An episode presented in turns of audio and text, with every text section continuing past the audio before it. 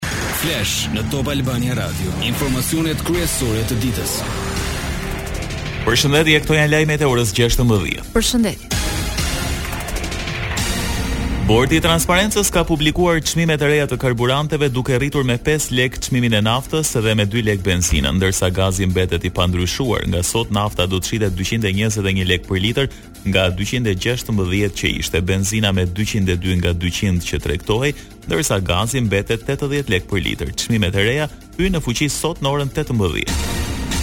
Ekonomia po ngadalësohet, por vendi ynë vlerësohet se është në gjendje ta përballojë krizën botërore të çmimeve, kështu thuhet në raportin e fundit të Bankës së Shqipërisë. Dy vitet e ardhshme gjithsesi do jenë vendimtare për normalizimin e politikës monetare. Banka ka rritur normën bazë të interesit nga 0.5 në 1.75% në gjashtë mujorin e parë, një nga rritjet më të forta në glob për të ndalur zhvlerësimin e lekut. Shqipëria gjithashtu nuk e ka ndjerë inflacionin në nivele aq të larta sa vendet e huaja, shprehet Banka e Shqipërisë për shkak të kompensimit të çmimit të energjisë, ndërsa parashikimet tashmë kanë ndryshuar. Edhe për uljen e çmimeve, objektivi i Bankës Qendrore pritet të arrihet në 2024. Në leximet e Bankës së Shqipërisë, treguesit kryesorë financiarë si kreditë kanë vijuar të rriten në mënyrë të ndjeshme edhe pas rritjes së normës bazë të interesit. Kjo rritje do të ushqejë konsumin dhe investimet. Në raportin e saj, Banka Qendrore Shqiptare thekson edhe se tregu i punës po jep sinjale pozitive, punësimi është rritur bashkë me pagat në sektorin privat mesatarisht 10.5%, të detyruara nga mungesa e fuqisë punëtore. Një tjetër tregues i qëndrueshëm është edhe forcimi i lekut si pasojë e flukseve hyrëse nga turizmi, të cilat vlerësohet të jenë edhe më të larta se në vitet përpara pandemisë, ndërsa kjo pritet të ulë risqet e borxhit publik. Një katërmbëdhjetë vjeçar u gjet i mbytur në lumin Seman ku dje kishte dalë për të peshkuar. I mituri po kërkohej nga familja dhe vetëm sot polumbarët e forcave RENEA arritën ta gjenin të pajetë. Dymbëdhjetë vjet më parë, i vëllai i viktimës u mbyt në të njëjtat rrethana, ndërsa babai ka ndërruar jetë me Covid nëntëmbëdhjetë një vit më parë dhe adoleshenti dilte të peshkonte për të ndihmuar familjen.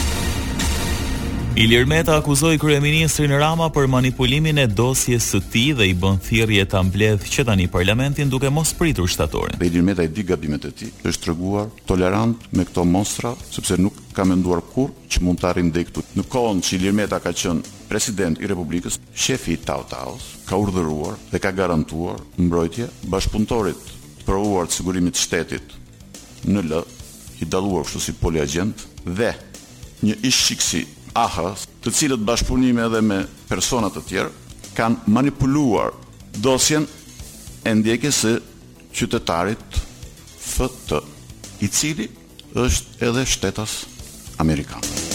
Ish-presidenti i Republikës shton më tej dozën e presionit ndaj ish-aleatit të tij politik duke kërkuar për herë të parë krijimin e një qeverie teknike për drejtimin e vendit deri në zgjedhje të parakohshme. Se në shtator kemi punë të tjera, Ne do të punojmë për qeveri teknike, sepse duhet t'i dalim për zot edhe çështjes së negociatave, sepse nuk ka shanse që të bëhet një hap përpara me këtë qeveri. Uragani nuk ndalet. Populli i dy marsit tani nuk ka më se çfarë të presi. Meta nuk mohon një kandidim të mundshëm përballë Erion Veliajt. Tirana është prioriteti, prioritete për mua. Unë Për atë kohë të shkurtër që kam qenë kryeministër, rreth dy vjet kam bërë gjëra shumë të forta dhe të jashtëzakonshme. Ja, për sa i takon pastaj se ç'nxjerr edhe një nga këto qentë e Tiranës që janë edhe të pavaksinuar, të bëhet gati shumë shpejt nëse do të ekzistojë autoriteti i manipulimeve të dosjeve që të fillojë punë zëdhënës atje. Por në një reagim Erion Veliaj la të kuptohet se nuk ndihet aspak i sfiduar dhe aq më shumë i rrezikuar nga Ilir Meta, të cilin e etiketon si fuks të ish sigurimit të shtetit.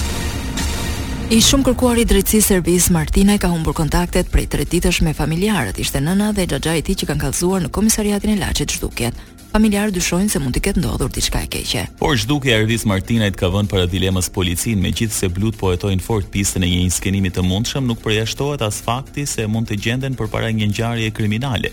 Janë duke u pyetur persona që mendohet se kanë pasur kontakte me Ervis Martinajn, ndonëse ai ishte në arrati. Lajme nga rajoni. Presidenti i Serbisë Aleksandar Vuçiç thotë se është skeptik sa i përket arritjes së ndonjë rezultati në raundin e ri të dialogut me kryeministrin e Kosovës Albin Kurti, që ndërmjetësohet nga Bashkimi Evropian.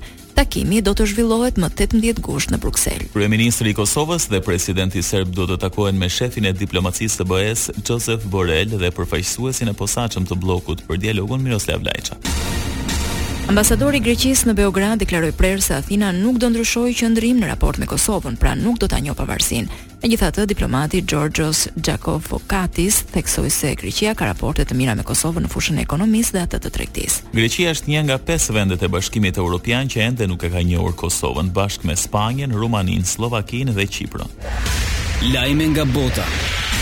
Luftime të ashpra janë raportuar përreth qytetit lindor ukrainas Piski, që gjendet rreth 10 kilometra në veri-perëndim të Donjeckut, Situata është e rëndë, shkroi në Telegram Danil Besonov, anëtar i grupit separatist të mbështetur nga Rusia në Republikën e Vetëshpallur të Donjeckut. Sulmet në afërsi të Donjeckut vijnë një ditë pas granatimeve në afërsi të centralit bërthamor të Zaporizhjes. Disa shpërthime janë raportuar në një zonë në Bjellorusi që gjendet pranë një aeroporti ushtarak. Ky aeroport, sipas autoriteteve ukrainase, është përdorur nga forcat ajrore ruse për të sulmuar Ukrainën.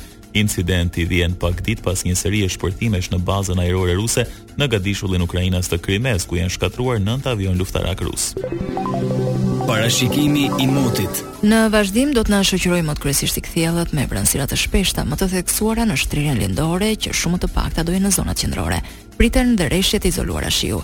Temperaturat e ajrit luhaten në vlerat ditore nga 12 në 35 gradë Celsius. Ndoqët një përmbledhje kryesore të lajmeve të ditës. Edicioni i radhës është në orën 17. Unë jam Edi Hallaçi. Unë jam Ani Bame. Kjo është Top Albania Radio.